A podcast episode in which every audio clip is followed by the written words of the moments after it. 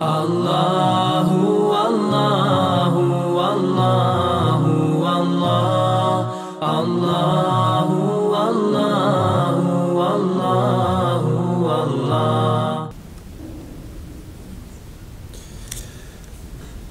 إن الحمد لله تعالى نحمده نستعينه ونستغفره ونستهديه ونعوذ به من شرور أنفسنا ومن سيئات أعمالنا. من يهده الله تعالى فهو المهتد ومن يضلل فأولئك هم الخاسرون. رب اشرح لي صدري ويسر لي أمري. وأحلل نقطة من لساني يفقه قولي ثم ما بعد. اذكروا الله في أيام معدودات. فمن تعجل في يومين فلا إثم عليه ومن تأخر فلا إثم عليه لمن اتقى. واتقوا الله واعلموا أنكم إليه تحشرون. I Allaha spominjite u određenim danima, a onome ko požuri, a onome ko požuri pa to u dva dana učini nije grijeh. Kao što nije grijeh ni onome ko još ostane ako je bogobojazan. Bojite se Allaha i znajte da ćete svi pred njim sakupljeni biti. Ozkuru Allahe fi ejamim madudat. I Allaha spominjite u određenim danima u određenim danima.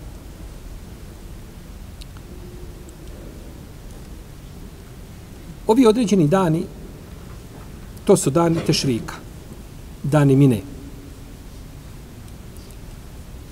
To je stav apsolutne većine islamskih učenjaka, a gotovo da je u vezi tim postignut konsensus pravnika, da su određeni dani, dani mine, dani u kojima se bacaju kamenčići, To su dani u kojima je naređeno jamu tešrik. Nazvani su tešrik zato iz jednog od dva razloga.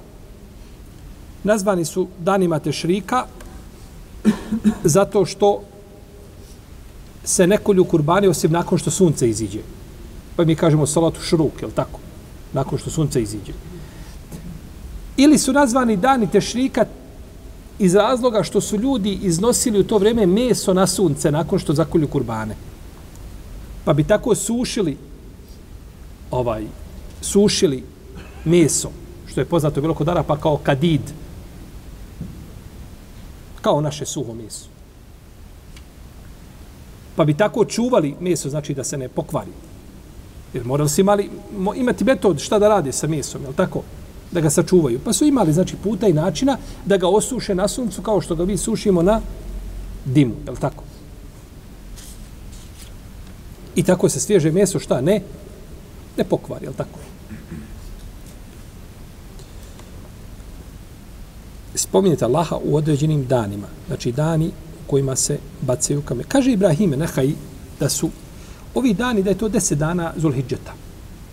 Međutim, ovo mišljenje nije jako i gotovo da oponira gotovo jednoglasnom stavu islamskih učinjaka da se radi o o danima o danima tešrika, znači to je 11. 12. i 13. Zulhidžet.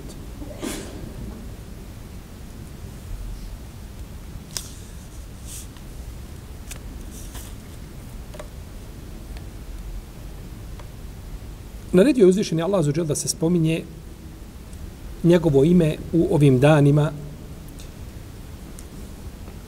i ne cilja se ovdje dan a, a, u kome se prvi dan u kome je skolju kurbani misle se na Bajram. Nego su ciljana, znači tri dana šta poslije, poslije njega. I oni su dani, i oni su dani tešrika. Zabilježio imame Budavud, Dare Kutni i Tirmizi sa vjerodostanim lancem prenosilaca od Abdurrahmana ibn Jamera Dejlija, radijallahu anhu, da je poslanik, sallallahu a, da mu je došao čovjek iz Neđda, i da je dok je bio na refatu, pa su pitali poslanika, sa osaleme, pa je naredio da glasniku da obznani da je hađ arefat i ko dođe na arefat prije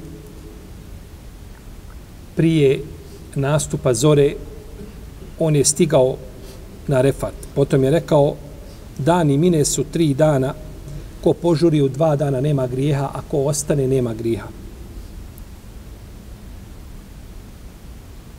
Pa ko požuri u ova tri dana, 11. 12. 13. znači ko požuri pa iziđe iz van granica mine 12. Zulhidžeta prije zalaska sunca, on nema grijeha.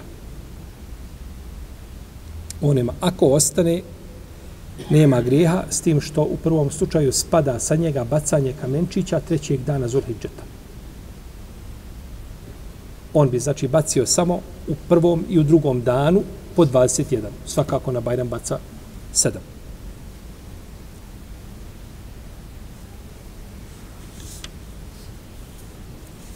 A ko bi ostao, on će upotpuniti znači bacanje. Pa ko bi požurio, on će baciti 49 kamenčića. Ako ostane, on će baciti 70. I tako Ibn Munzir navodi drugi učenjaci da se na hađu baca 70 kamenčića bez razilaženja među učenjacima. Za onoga ko upotpuni bacanje. Ako koristi olakšicu pa ode jedan dan, on a, ranije on, on baca znači 49.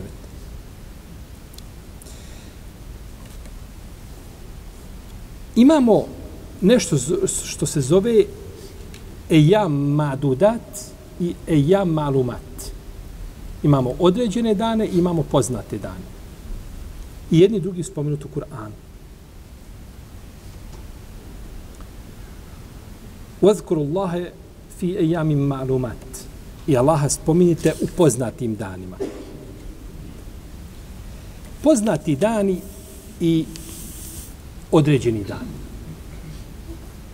Poznati dani su ovi dani koji smo spomenuli. A određeni dani oko njih se islamski učinjaci razilaze. Ima mali kaže određeni dani to su Bajram 11. 12. 13. Zulhidžet. Ta četiri dana. A poznati su 11. 12. i 13.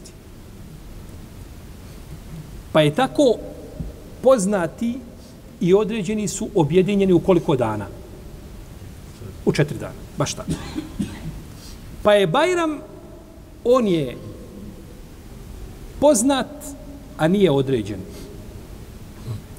11. i 12. Zulhidžet su poznati i određeni, a 13. Zulhidžet je određen, a nije poznat mislimo shodno podijeli. Ovdje ne kaže Bajram nije poznat, čuj to. Svakako da je poznat. Međutim, u koju od ove dvije šta skupine se svrstava? Pa Bajram bio poznat, a nije šta? Određen. 11. i 12. su poznati određeni, a 13. je šta? Određena nije? Nije poznat. To je stavi mama Malika. Tako ima Malik, tumači šta? Ove ove dane, to je prenosio od Ibn Omara i od drugih. Međutim, kod imama Šafije i kod imama Ebu Hanife i drugi učenjaka, rahimehumullah, oni kažu određeni dani, odnosno ovi poznati dani, oni su, kaže, od početka Zulhidžeta.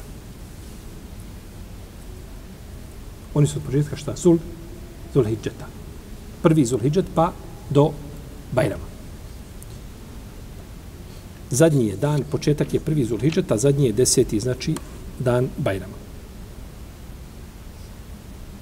Dobro. Zašto ne mogu određeni dani biti dani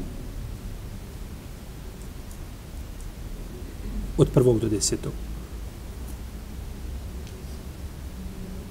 Mišljenje Ibrahima Nahaja. Zašto bi bilo slabo?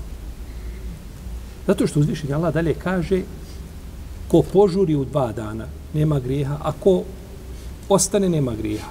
A ta tri dana nemaju nikakve veze s tim propisima u ti deset dana.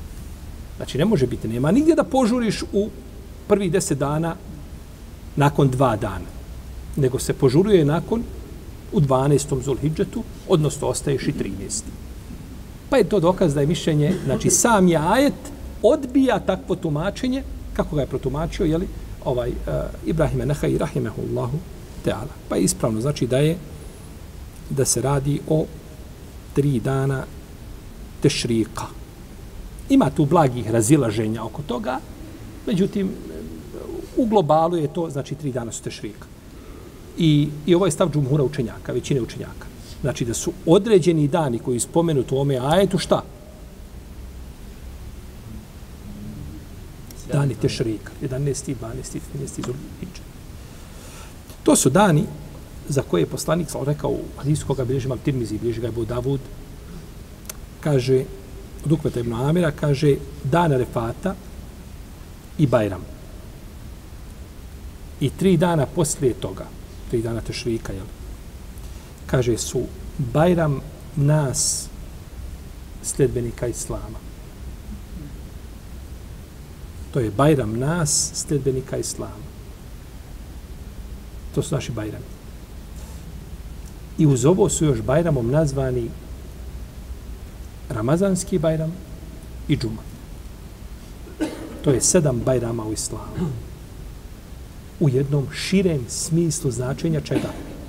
Riječi Bajram. To je širi jedan smisao. U protivom imamo dva Bajrama, koji su dva dana. Znači, prvi Ševal i deseti Zulhidže. I u tim danima se klanja Bajram namaz. Ne odgađa se za naredni. I te dane je haram postiti. Ove dane je mekru postiti. Dane koje? Tešrika.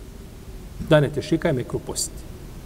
Ne treba, znači čovjek ove dane posti, jer je došao dalje u hadisu da kaže poslanik, sal kaže to su dani jela i pića.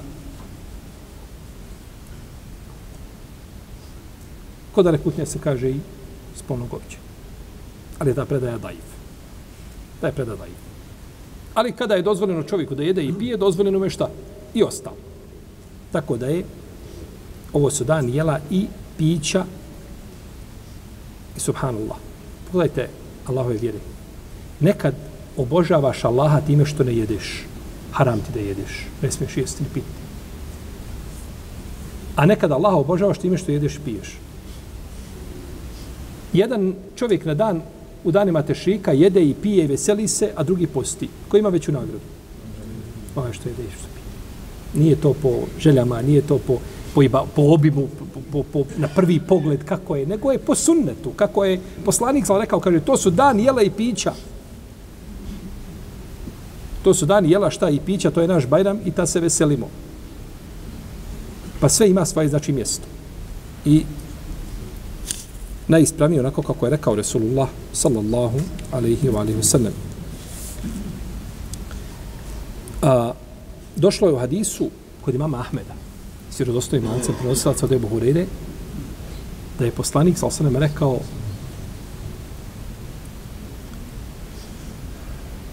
Abdullah ibn Huzafi da obznani među ljudima nemojte postiti ove dane. La te sumu hadile Nemojte postiti ove dane, kaže, to su dani jela i pića i spominjanja Allaha. To su dani jela, pića i spominjanja Allaha.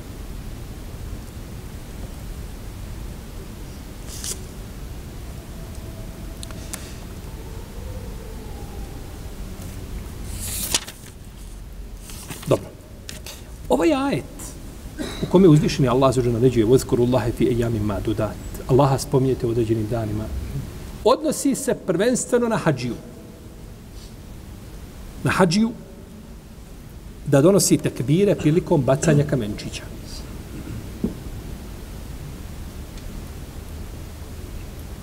Međutim, da li on vrijedi za druge ljude? Ispravno je da vrijedi. Da je to stava sahaba i tabina i učinjaka nakon njih da su govorili da ljudi spominju Allaha i oni koji nisu hađije spominju Allaha za šta u ovim u ovim danima. Pa ovdje autor kaže, spominju ga nakon obavljenog za završenog namaza, kako je, kaže, činio Selef. I da će džemate to rad nakon namaza, kaže, zajednički, grupno ili pojedinočno.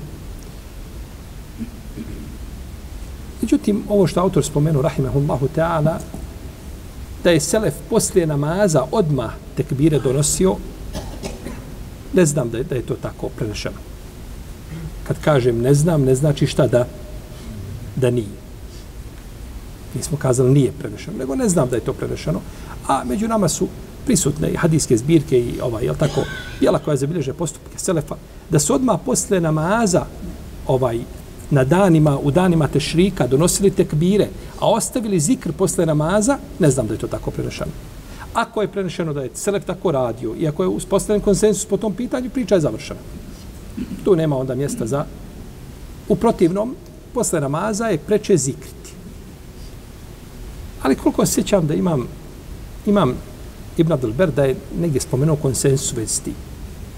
Da se posle namaza donose E sad, je posle namaza odmah posle salama ili posle zikra? Allah, ono što je došlo da je da se posle namaza zikri.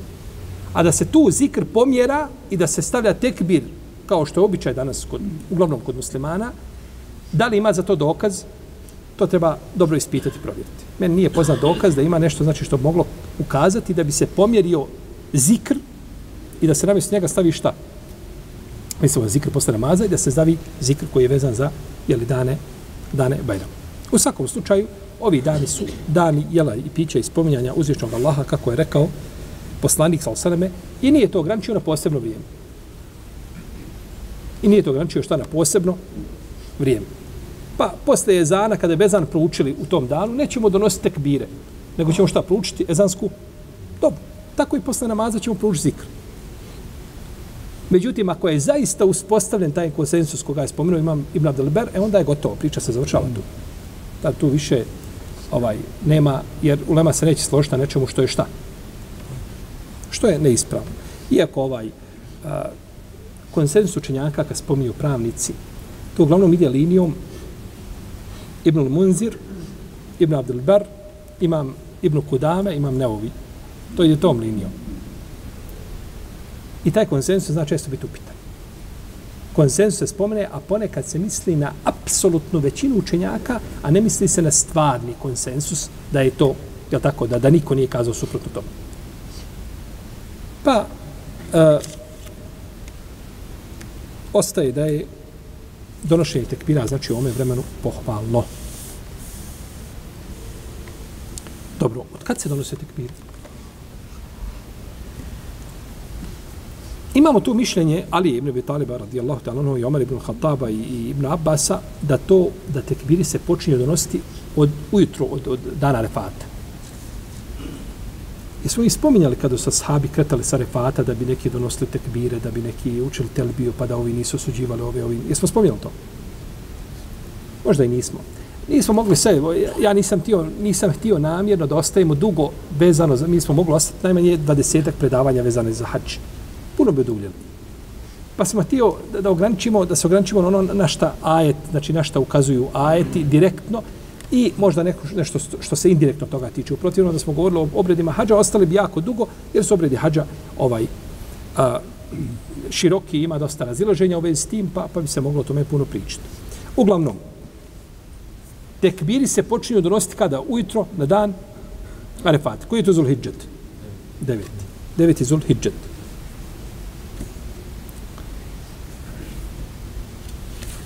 I donose se do zadnjeg dana Tešrika, do ikindije zadnjeg dana Tešrika. To je 13. Zulhidžet. Znači imamo 9., 10., 11., 12. i 13. do ikindije. Donose se, znači, ovi tekbiri. Kaže imam Ebu Hanife, a prije njega Ibn Saud radijallahu anhu, donose se tekbiri ujutro od dana refata do sutradan do, do, do ikindije, na dan čega? Bajrama. Dana Refata i dan Bajrama. Dok su kazali Ebu Jusif Mohamed suprotno tome, oni su podržali znači stav većine islamskih učenjaka i stav Omara ibn Abbas i Ali, koga smo spomenuli prethodno, da se to donosi do trećeg dana šta? Tešrika. Imam Mali kaže, donosi se od na dan Bajrama od podne. Na dan Bajrama od podne. Do zadnjeg dana Tešrika. I to je Miša imama Šafije.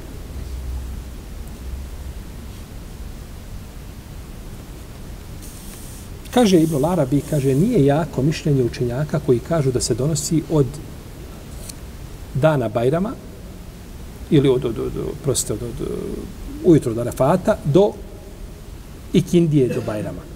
Jer se kaže ovdje spominjete Allaha u poznatim danima. Pa ko požuri u dva, ne, nema grija. Ko ostane nakon toga treći, trebaju znači tri dana imaju. A ovdje imaju samo šta? Dva dana, pa nije upotpunjeno. Nije upotpunjeno, znači broj koji je spomenut šta? U, u ajetu. Ciljujući time na čije mišljenje? Imam Ebu Hanife i ima Ibn Mesouda, je li tako? Koji se prenosi od njih.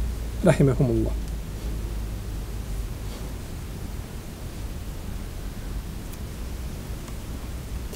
Razilaze se isto tako u ovim tekbirima kakva je njihova forma.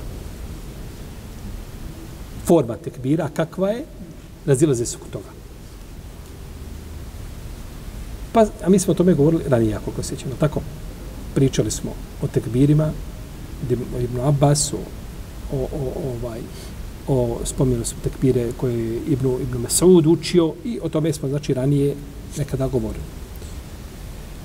Femen ta'ađele fi umeni fela isme alejhi.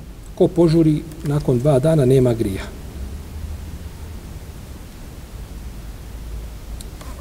Učenjaci su složeni da se na dan Bajrama bacaju samo kamenčići na velikom džemretu.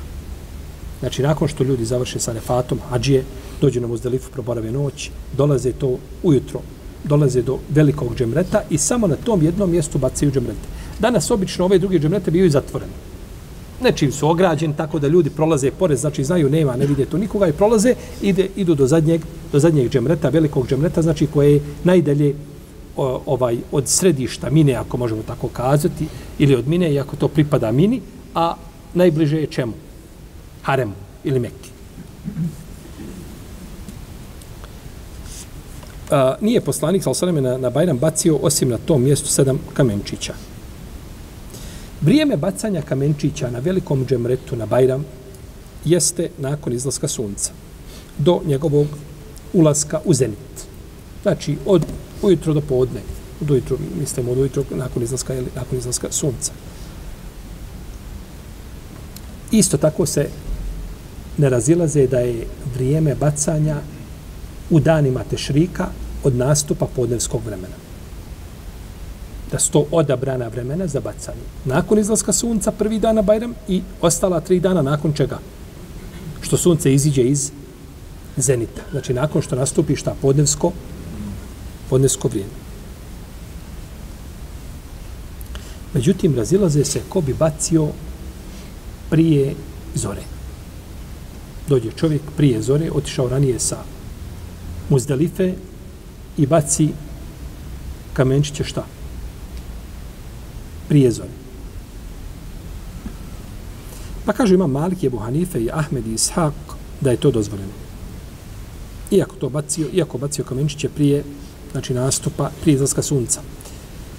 Oni kažu dozvoljeno je baciti nakon nastupa zore, a prije izlaska sunca. Ali se ne smiju baciti kamenčići šta prije zore. Prije se zore ne smiju bacati kod većine učinjaka, A ako se baci posle zore, a prije izlaska sunca, kažu, neće smetiti. Neće smetiti. Kaže ima Malik, nije nam došao od poslanika, sa osvijem da je dozvolio ikome da baca kamenčiće prije nastupa zore. Misli se na pravu zoru, je svakako. Niti je dozvoljeno baciti prije tog vremena, a kaže ko baci treba ponoviti bacanje. Ko bi bacio prije zore, treba šta? Ponoviti bacanje kamenčića.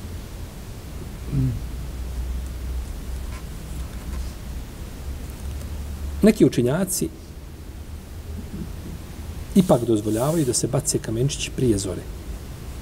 Kažu da je Esma radijallahu ta'ala anha došla sa muzdelife ranije, kako došlo da je Budao, da se rodostanim lancem prenosilaca, i da je došla, bacila kamenčiće po noći. I kazala je ovako smo činili vrijeme poslanika sa osam. Ovako smo činili vrijeme poslanika sallallahu alaihi wa sallam. Njoj je dozvolio poslanik da ranije, znači ode ima jedan dio učinjaka koji kažu da bi se moglo u to vrijeme baciti. A ima učinjaka koji kažu ne može se bacati kamenčići do, na, do izlaska sunca. Kada? Koji dan? Na Bajram. Govorimo o bacanju kamenčića na velikom džemretu na Bajram. Kada se baca samo taj dan sedam kamenčića.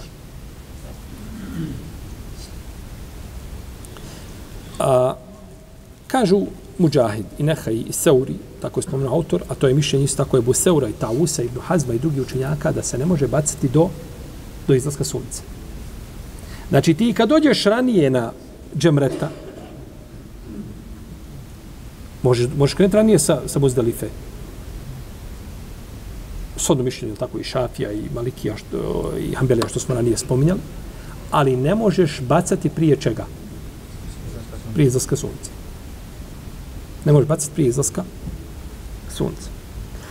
Kaže autor, dokaz ovih učenjaka je to što je poslanik sa bacio nakon izlaska sunca i rekao je uzmite od mene obrede hađa. Pa je bacio kada? Pa bi ovdje postupak bio da se sledi poslanik u postupku vađib, obaveza. A mi znamo da je slediti poslanika sa osvijem u postupcima sunnet, nije vađib. Za vađib mora biti naredba. Osim ako bi ta, taj postupak bio praktična primjena opće naredbe. To je onda drugo. Kažu, to je ovdje. Uzmite od nas obrede, uzmite od mene, kaže obrede hađa, pa su nakon toga šta? Bacio je kamenčiće u to vrijeme. Međutim, ovo dokazivanje je problematično. Jer dokazati ovako, znači svaki postupak poslanika sa osobi će šta? Može se na neki način uklopiti u vađi, u ibadetima, u svemu drugom. Jer o, došlo je općenito, tako, vidite, klanjajte kako ste vidjeli mene da klanjam. I kogod ostavi jedan od sunneta, kako je poslanik činio, on kaže, vrati se nazad na, na, na opću naredbu, to je problematično. A ima jači dokaz od ovoga koga autor spomenuo. Ima hadis koga bilježi imam Ahmed i Tirmizi, svjerodostanim lance, prenoslac od Ibn Abasa, da je rekao, kaže, poslao me poslanik, sa kaže, sa slabašnim svojim ukućanima na dan Bajrama, sa Muzdelife, u noći Muzdelife, i rekao je, kaže, nemojte bacati kamenčiće prije izlaska sunca. Nemojte bacati kamenčiće prije šta? Izlaska sunca. Ovo je jasan dokaz. Ovo što je autor što je spomenuo, ovo je općenit argument. Može on s jednog aspekta posmatrano posluš kao dokaz, međutim, ovo je puno jači argument. Nemojte bacati šta prije izlaska sunca. I osam islamskih velikana, učenjaka, Ibn Abdulbar ibn Kudame, imam neovi drugi navode, konsensus pravnika da je sunnet baciti kamenčiće nakon izlaska sunca. Međutim, Ibn Munzir kaže, ovaj, nije niko kazao da ako se bace posle ovoga sabaha, da treba ponoviti bacanje i tako dalje. Pa ostaje da je sunnet da se bace kamenčići poslije čega? Izlaska sunca. To je najpreće i najispravnije, oko toga nema razilaženja. Zato se kazalo, nema se sva slađe da je to šta? Odabrano vrijeme, da je to sunnet. Međutim, ako uradi prije toga, je li, je li pogriješio, e tu se onda, tu, tu ima i razilaženja. Izvjesna, je li, među, među pravnicima.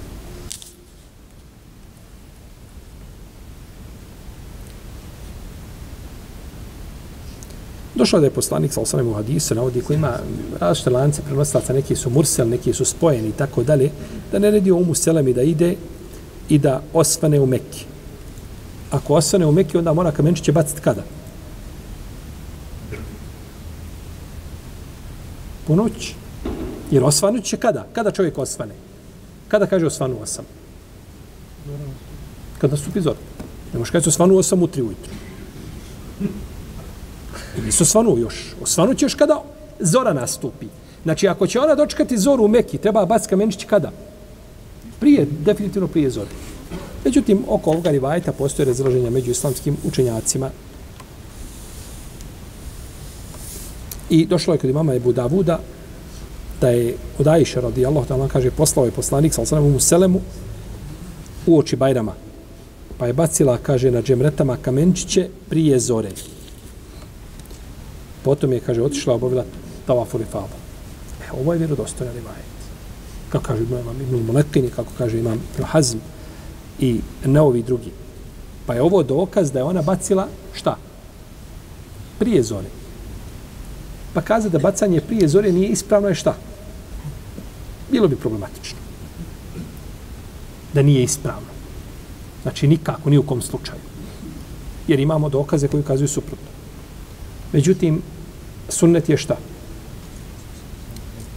Odgoditi to do izlaska sunca.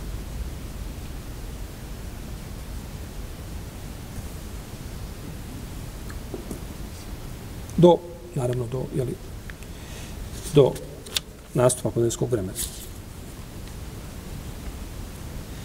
A, islamski učenjaci su složni ako bi bacio ove kamenčiće do prije zalaska sunca da izvršio svoju obavezu. I da nije dužan iskupljivati se, nema nikakvu sankciju ne zaslužuje.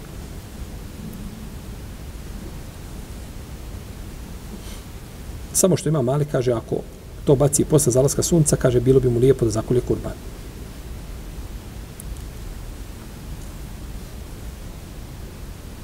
Kao što se razilaze, znači, nakon toga, ako ga baci, bacite kamenčiće nakon zalaska sunca, kakav je propis? Jer ta vremena nisu precizna, precizno definisana, znači, hadisima. Pa zbog toga je, znači, razilaženje među islamskim, među islamskim učenjacima.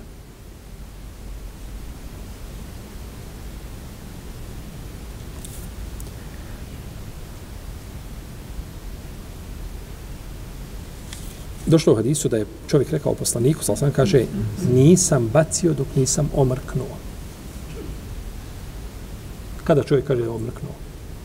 Poslije podne. Poslije akšama. Nisam bacio dok nisam omrknuo. Pa mu je poslanik, sal sam dozvolio to. Od Buhari hadis. Pa znači, bacanje i poslije ne bi, ne bi smetalo. Znači, poslije akšama. Jer to su grupe, to nije uvijek jednostavno. Ima ljudi koji kasne sa refata, pa kasno dođu na muzdelifu, pa sa muzdelife dođe, pa ljudi umorni, popadaju.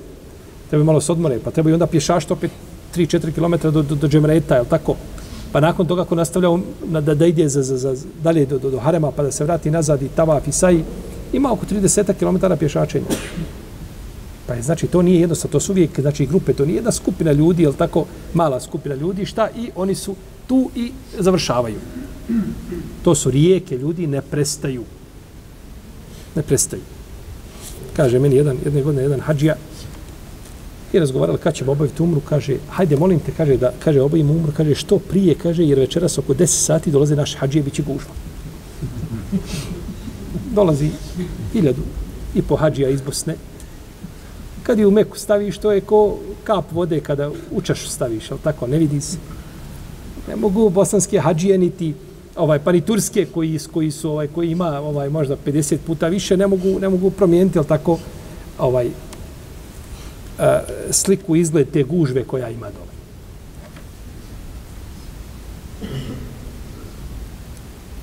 Kada prođu dani te šrika, 11. 12. 13. Zulhidžet, prekida vrijeme čega?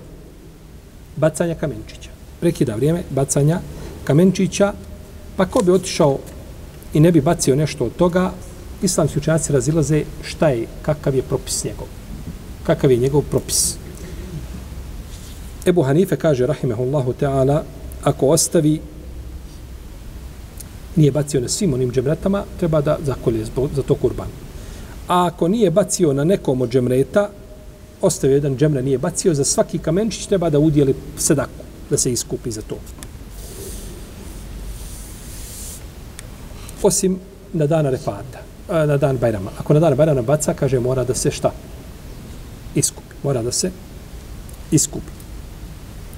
Imam Uzaji kaže, taman da ostaje jedan kamenčić, mora se iskupiti. A Seuri kaže, ako tri ostavi, nahranit će. A ako četvrti nije bacio, ili četiri pa više, onda će zaklati žrtvu zašto će za ti tri nahraniti, a za četiri će zaklati?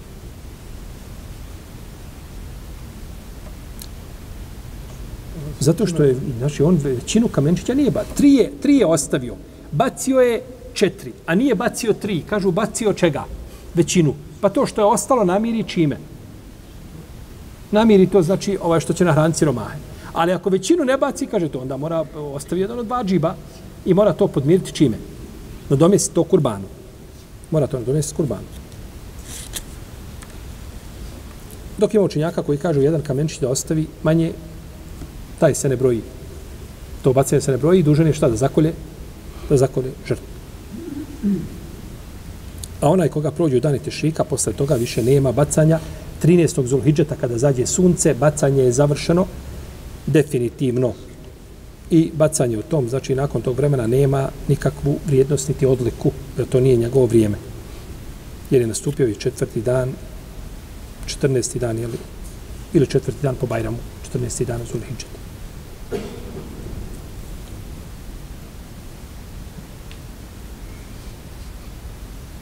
Mora čovjek boraviti na mini. Mora se proboraviti, noć se moraju boraviti na mini. Po danu može čovjek otići da ode u harem da klanja, nije problem, iako je bolje da ostane na mini. Ali nije problem da ode do harema, da iziđe, da ode da nešto kupi pa da se vrati, nije problem, ali mora noć proboraviti, u, odnosno mora većinu noći mora proboraviti na minu. Mora većinu noći proboraviti na mini. Jer na mini imamo po danu se bacaju kamenčići, a noć se boravi. Noć je za boravak, a dan je za bacanje šta? Kamenčića. I jedno i drugo je bađib. I jedno i drugo je bađib.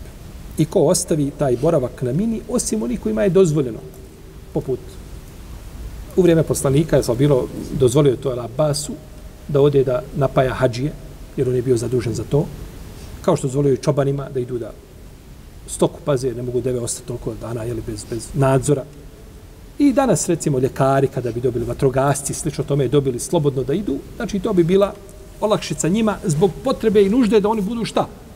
Prisutni, jel tako?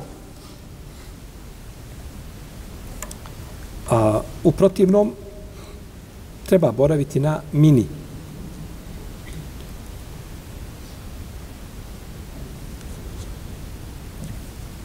I učenjaci složen da je boravak na mini od simbola iz hađa da je to sastavni dio čega? Hadža. Samo se razilaze, je li to vađib ili je šta? Ili je sunnet? Ali je sastavni dio hađa. Kod velikog dijela učenjaka ili kod većine je to vađib. Dok je to kada nefijski učenjaka rahimahullah ta'ala sunnet. Oni kažu boravak na, na muzdelif, na minije zbog bacanja čega? Kamenčića. Ali ako možeš doći iz Mekije pa da baciš kamenčiće, nisi počinio prijestup zbog koga bi se trebao iskupiti. Ali kažu svi, općenito, hanefijski učenjaci kažu da svaki sunnet koji stoji na hađu da je čovjek ružno postupio. Pa tako kažu i za ovaj. Tako kaže Ibn Abidin, Ibn, Ibn uh, El Humam i kaže tako ovaj El Mirginani i drugi kažu pokuđeno je, kaže da čovjek ne boravi na mini u noćima kada je poslanik sa boravi. Pokuđeno je da se ne boravi. I kaže Ibn Humam, kaže čovjek je ružno postupio ako ne boravi na mini. Ibn Abidin kaže ružno je postupio, ali nije dužan da se šta? Iskuplio. Pa je preče i bolje kod Hanefija, a kod drugi vađib da se boravi šta? Kada na mini? Noć posle Bajrama jedna i noć druga. A treća noć čovjek ima pravo šta da ne boravi u oči 13. noći Zulhidžeta nije dužan da boravi gdje? Na mini. Ali mora izaći van granica mine prije zalaska sunca. Ako ostane u granicama mine 12. Zulhidžeta, znači drugi dan po Bajramu, nakon što je bacio 21 kamenčić, ako ostane unutar granica mine, dužan je da boravi još jednu noć i da sutra dan baci. Jeste razumijeli? Ili malo zapetljano? Mi ćemo morati ovako džemat ili jedan put obaviti hači svi zajedno pa da šal. Znači, baca na dan Bajrama hađija koliko kamenčića? Sedam. Na kom džemretu? Na velikom džemretu, zadnjem džemretu. Kad se dolazi sa mine, to bude zadnje džemre. Sutradan, dan posle Bajrama, 11. Zulhidžet, baca na prvom sedam, to je mali, posle toga na srednjem 7 i posle toga na velikom 7. Ukupno 21 na tom mjestu toga dana baca. Samo je podijeljen na 3 po 7. Prvi koji je najbliži Mesčidul Hajfu, kad se dolazi iz Mine, potom dolazi srednji i potom dolazi veliki koji je najbliži Mekki. Pa baca to. I sutradan 12. Zulhidžeta isto. Ali on kaže, ja neću ostajati treći dan, neću ostajati 13. zulhidžete baciti. Meni se ide u Meku, ja hoću da idem. Hoću da idem kući, hoću da idem u Meku i neću nikako da budem na tom mjestu. Kažemo, nije problem. Jer uzvišeni Allah kaže, femen te ađele fi omeni fela isme alehi. Ali moraš izaći van granica mine prije zalaska čega? Sunca. Osim Allahu, dragi, da krene, pa autobus, pa gužve, to zna biti, ovaj taj dan, zna biti veća gužva nego sutra i autobus je blokirao put, ne može izaći, nije više do njega, nema smetnje. Jer to sve što nije do čovjeka, e, ne obavezuje se on što nije bilo njegovim izborom. Međutim, on je došao posle Kamenčića, kaže, neka, ostaćemo mi do predakšam. Ostaćemo do, ospavat ćemo, ne poručati, imamo i ručak besplatan i sve je to. I onda on krene nekada pred sam jakšem i ne može izaći, kaže, evo, vrati se nazad u šator i boravi i sutradan baci jer si svojom krivicom ostao šta. Ti si bio dužan da se odmah spakuješ i da kreneš, znači da iziđeš van ban mine. Nekada davno su ljudi kretali tako drugog dana po Bajramu, to je koji Zulhidžet. 12. Zulhidžet. Bacaju, i ali svi se sa svom torbe. I ja sam ko student jedne godine krenuo i tako torbu, sa sobom veliku torbu imao na leđa i dole.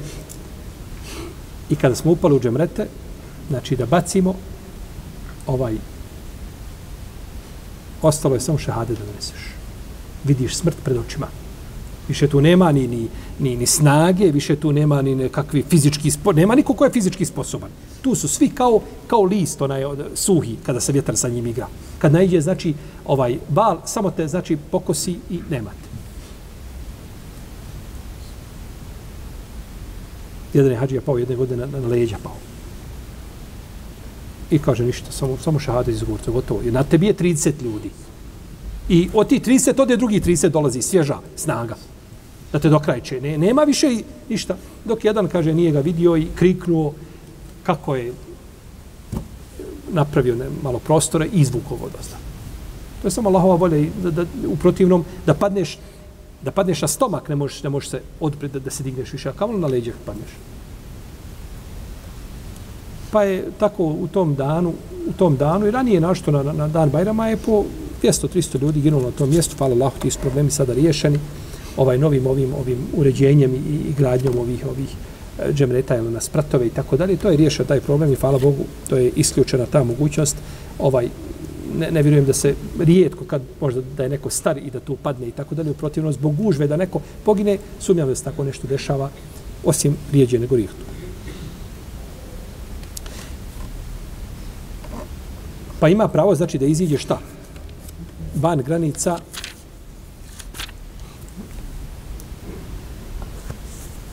van granica mine prije toga. Ali mora boraviti, mora boravak biti u granicama mine. Osim ako ne može. Onda neka priđe najbliže što može mine. Omer je zabranio ljudima da borave kod velikog džemreta. Odnosno da borave, ne kod velikog džemreta, nego da borave poslije velikog džemreta, jer se tu odmah neposredno nakon toga izlazi van granica čega? Mine, pa je tražio da ljudi budu, znači, unutra, tako da bi njehov boravak, znači, bio ispravan.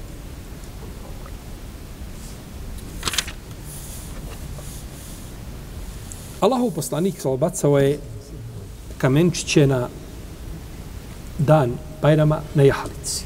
Bio je na devi. I ima učenjaka koji kažu da je sunet bacati kako je poslanik tavafio na devi ili hodao između Safa i Merve na devi. Toga danas nema više, naravno, tako. Pa nema potrebno ispominjati šta te propise. Šta spominjete devu, molim te, ko danas baca na... Možeš ti opće devom prići dole, ti ideš među ljudima da bacaš, što spominjete devu? Ne, ne spominje se deva zbog devi. Spominje se propis čega? Da li čovjeka mogu nositi da baca kamenčiće? Jel u redu? Šta možemo zaključiti iz ovoga što je poslanik sa osvijem bacao kamenčiće s deve?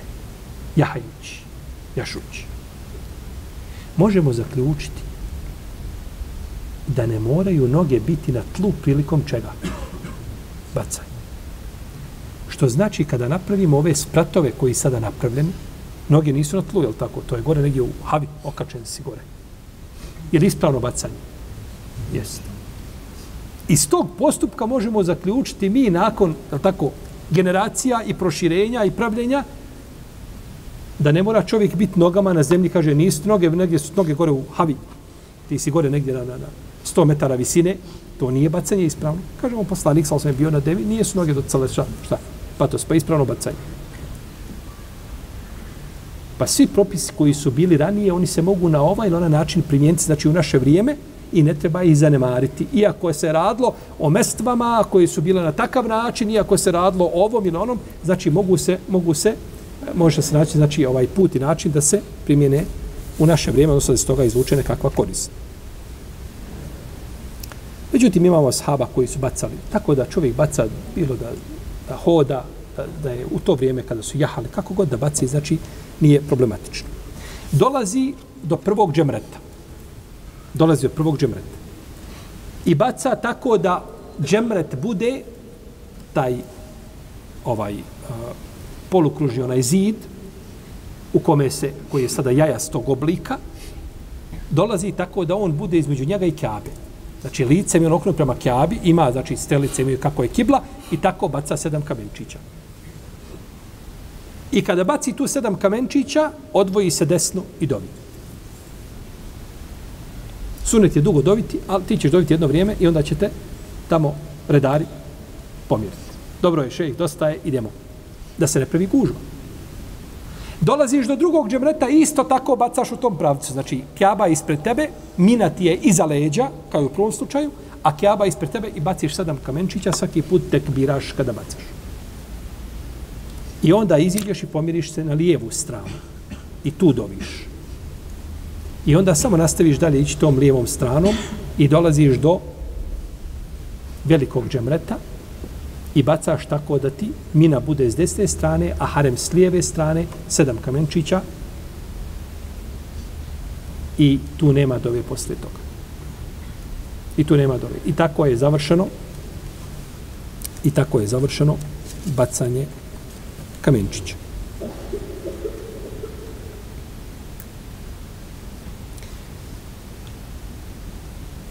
Na, na dane tešrika je najpreće da na, na dane tešrika je najpreće bacati kamenčiće poslije podne, nakon nastupa podnevskog vremena. Nakon nastupa čega? Podnevskog vremena. Jer Ibn Omar kaže, čekali smo podnevsko vrijeme da bacimo. Došao mu je čovjek, kaže, kad se bacio, kaže kamenčić Ibn Omaru, u danima tešrika. Kaže, baci kad baca tvoj imam. Koga slijediš, s kim si došao, kaže, baciš kad on baci.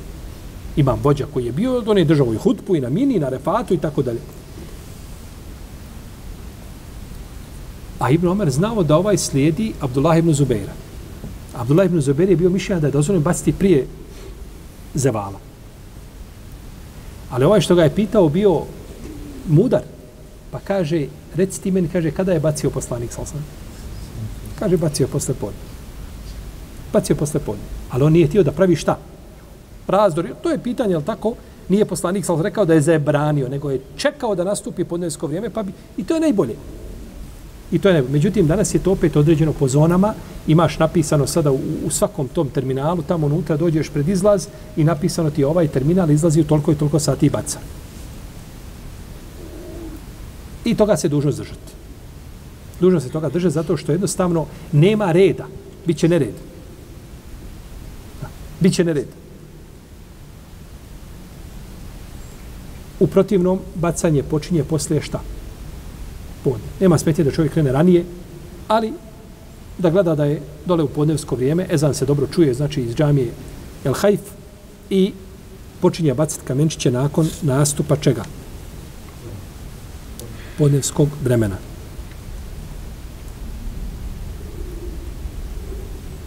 Kamenčići trebaju biti čisti koji se bacaju. Da nema na njima neđasta. I kaže autor, neće baciti kamenčići koji su već bacani. Imate kamenčića, bacani već jedan put i ti kamenčići dođu do tebe. Kad bi tako kazali? Neki učenjaci kažu, ne mogu se baciti već korišteni šta? Kamenčići. Međutim, kad bi to čovjek učinio, bacanje je bilo ispravno. nema dokaza da kamenčići koji su jedan put bačeni, da se ne mogu drugi put baciti. To, to je dokaz da postoji. Ali je preče izlaziti iz tog razilaženja, pa baciti kamenčiće, znači koji nisu prethodno bacani.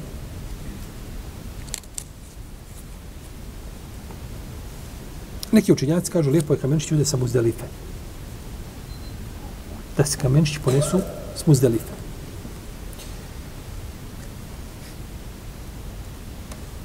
Kaže autor, a kamenčići koji ostanu, treba ih, kaže, a, treba ih pokopati i ne treba ih baciti. I to je pripisao imamu Ahmedu. Kamenčići koji su ostali, trebali pokopati. Nisi ih bacio, kamenčići ostali. Nema dokaza da to treba pokopavati. Nema dokaza da to treba ukopati, niti da se to ne, da se to ne može baciti, ili da je to ovaj uh, skrnavljenje, ne znam, kamenčića koji su bili namijenjeni za bacanje mogu se baciti. Nije problem, što znači da se bace u tome, nema nikakve smetnje. Ali se neće pratiti. Znači, neće se uzimati gusul kamenčićima. A ljudi, znači, stavaju pa jednu vodu, pa drugu vodu, pa ga pere, pa ga čisti. To je kamenčić. I on na sebi ima prašine, ima nešto što bi ostalo rucka do dotra. Nik, nikakve smetnje nema. To se znači baca tako kako jeste i neće se pratiti. To činio poslanik, sallallahu alaihi wa sallam. Kaže Ibn Munzir, kaže, pokuđeno je baciti kamenčiće koji su još jedan put bačeni, ali kaže, ako baci čovjek, bit će bacanje ispravno. Jer ne znam, kaže, da je iko a, naredio da se ili zatražio ili bio stava da se trebaju baciti ponovo kamenčići ako ako su već jedan put bili bačeni, onda treba da ponoviti jeli, bacanje. Kaže, nije poslanik sa osvijem pravo kamenčiće To je radio samo Tavus. I nije čovjek dužan da ima abdes kad baca kamenčić. Kamenčići su kao i saji. Kao i boravak na refatu. Za boravak na refatu ne treba abdest. Treba ti za namaz. Abdest treba za saji kod većine učenjaka. E, oprosti za tavaf. Iako i to pitanje abdesta za tavaf, i to oko toga bi se dalo naširok razglabati. Kad došlo do hadisa Ibn Abbasa i tako dalje, ovaj, hadijski slušnjaci su stava da je to sto riječi Ibn Abbas, a da nisu riječi poslanika, sa osvijem, da je šta? Da je tavaf namaz. To su riječi Ibn Abbas, nisu riječi poslanika, sallallahu alaihi wa Kod većine učenjaka se moraju baciti kamenčići, ne smije ništa drugo. Kod Ebu Hanife može i komadić suhe zemlje kad bi bio i sve drugo što je od zemlje moglo bi se baciti.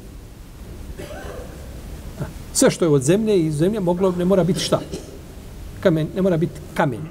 Može biti nešto drugo, ovaj, za razliku od većine učenjaka koji kažu, jer je poslanik sa rekao sa osam, kaže, alejkum bi hasan khaz kaže, bacite male kamenčiće, koje što oni su to imali Arab običaj između prsta stave pa da bacaju. Što je poslanik sa zabranio, kaže, time se ne može ubiti žrtva, ne možeš uloviti time zeca, ni, ni srnu. Ali kaže, možeš bratu izbiti oko ili slomiti zub. Pa sto kamenčići koji su sitni, jel tako, koji se bacaju, nisu veliki. Iako se učenjaci razilaze kolika je ta veličina. Na veliku se razilaze. Ono što najispravnije da je to poput bobe graška.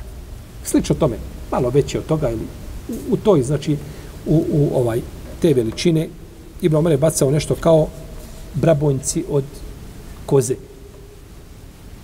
sitno, znači sitni kamenčić kojima ne možete ovaj o, ozlijediti čovjek kada bacite.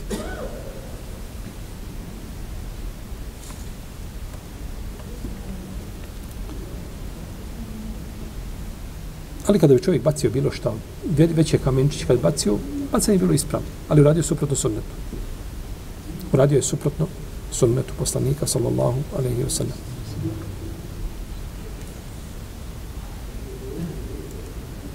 Kaže a, a, Ibn Abbas, imam Nesaje, da bi zabilježio u vjerodostojnoj predaji,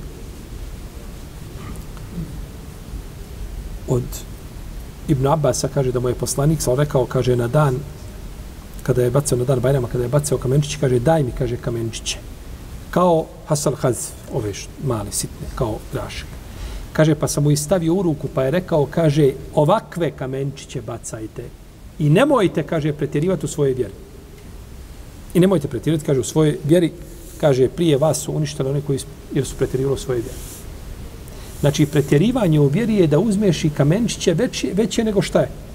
Što je poslanik, sal sam nam tražio da mu se dodaju. Pa je steđenje suneta u tom pogledu najpreče. I to zna onaj koga kamenčić pogodi koliko je, koliko je bitno s kamenčićima.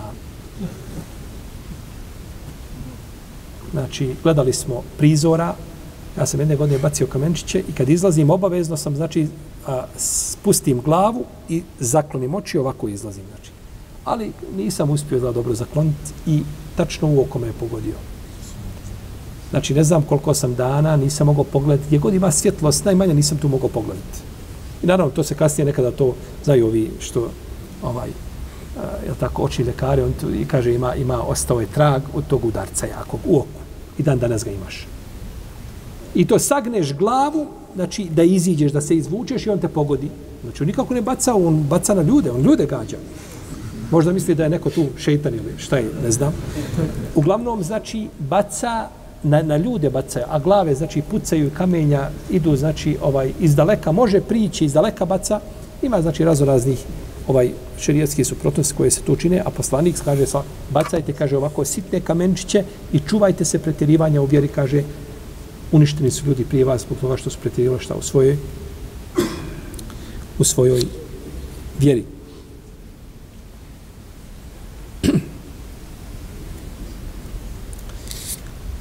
Islamski učenjaci kažu da i mora baciti ove kamenčiće po redu. Malo, srednje, potom šta? Veliko džemre.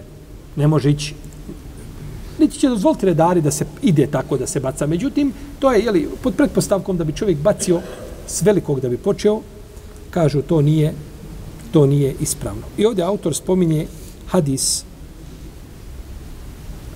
kaže da je poslanik, sal sam rekao, ko kaže jedan taj obred kaže da mu prednost sa drugim kaže nema smetnje. To da bi se moglo naopačke, znači moglo krenuti s velikog. Međutim, to nije hadis. Ovo nije hadis. Ovo ovako kao hadis nije zabilježeno hadijskim zbirkama. Ovo je zabilježeno kao riječ Selefa. To se prenosi od Ata i Tausa i Mujahida i drugi, a ne prenosi se kao riječi poslanika sallallahu alaihi vseleme. Ibnu Hajar kaže, nisam ga našao kao hadis u svome djelu diraje. A Ibn Hajar kad kaže da nije našao hadis, znači otprilike nemoj trošiti vrijeme. Napatit ćeš se, razvalit ćeš se i nećeš. Najvjerojatnije to nećeš naći. Jer on je zaista imao pravo da kaže ne mogu naći hadis. Rahimahullahu ta'ala. Dozvoljeno je baciti kamenčiće za bolesnika umjesto njega. Bolestan čovjek ili dijete ne može i slično tome, osobe koje su znači iznemogle da neko baci dozvoljeno. Znači baciš za sebe pa baciš šta? Za njega. Baciš za sebe tri, napraviš jedan krug, ponovo prođeš i ponovo bacaš. To je najispravnije. Međutim, ima dosta učenjaka koji iskazali ne moraš ti završiti sve tri za sebe. Baciš za sebe sedam, pa baciš za njega sedam na malom pa ideš srednje. Za sebe sedam, pa za njega sedam. Na veliko za sebe sedam, kažu može i tako. I to je velika olakšica. Jer proći jedan krug, treba ostaviti cijelu grupu, ima dosta ljudi, ne može se vratiti, više ne zna gdje su šatori, brojevi, tako dalje, to je sve gore, ovaj, sve identično, hiljade šatora, svi isti, u kom sam ja sad. To bi bila velika olakšica sigurnije bi bilo baciti za sebe, pa se vrati baciti za tu osobu. Međutim, kada bi čovjek bojao se i ne bi znao i bacio za, za sebe i za njega na isto mjesto po sedam, ne da spoji, u redu, nema spajanja. Ja bacam za sebe, sedam i nije tim ja, ja sam upajio svoga babu u tih sedam. Nema toga ništa, nego moraš za sebe sedam, pa onda za babu sedam na istom štapu, na istom mjestu.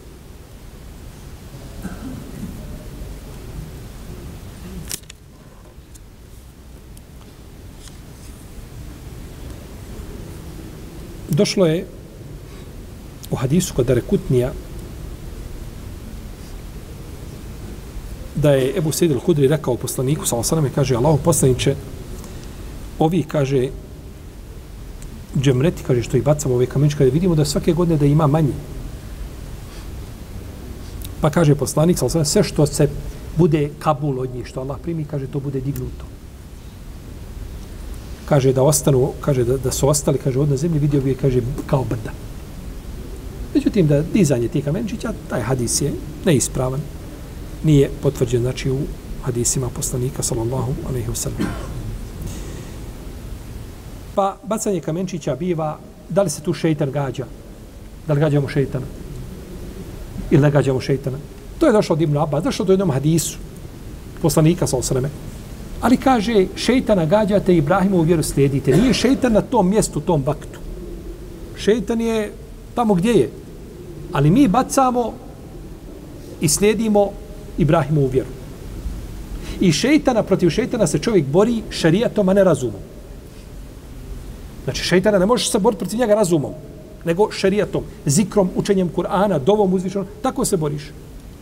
A bori se šeitanom, protiv, razumom protiv šeitana, to je kao onaj što je eh, Ibn Džavzi je zabilježio, kaže čovjek je bio u Bagdadu, leti. Bagdad je leti vruć, ne može biti vrući. Pa bio so, leti jede so, zamislite. Jede so i onda pije vodu. Pa so, pa vodu, pa kaže, što to radiš? Kaže, vidi, kaže, ja jedem, kaže, so i ne kažem bismillah, kaže, kad počnem jesti. Kaže, i šetan jede sa mnom. I on se najde soli.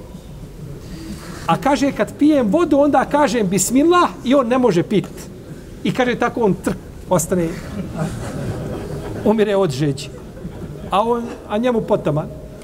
Pa ne bori se tako protiv šeitana živiš. Šeitan protiv šeitana, borba tvoja protiv šeitana biva na ovaj način. Baciš na džemretu i kažeš Allahu ekber, onaj baca papuč, onaj baca kišobran, onaj...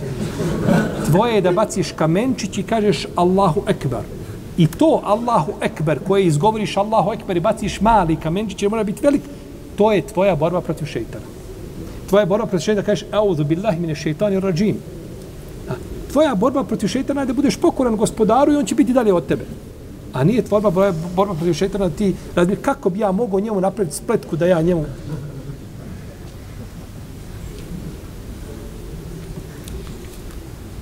I bacanjem kamenčića se završavaju obredi hađa.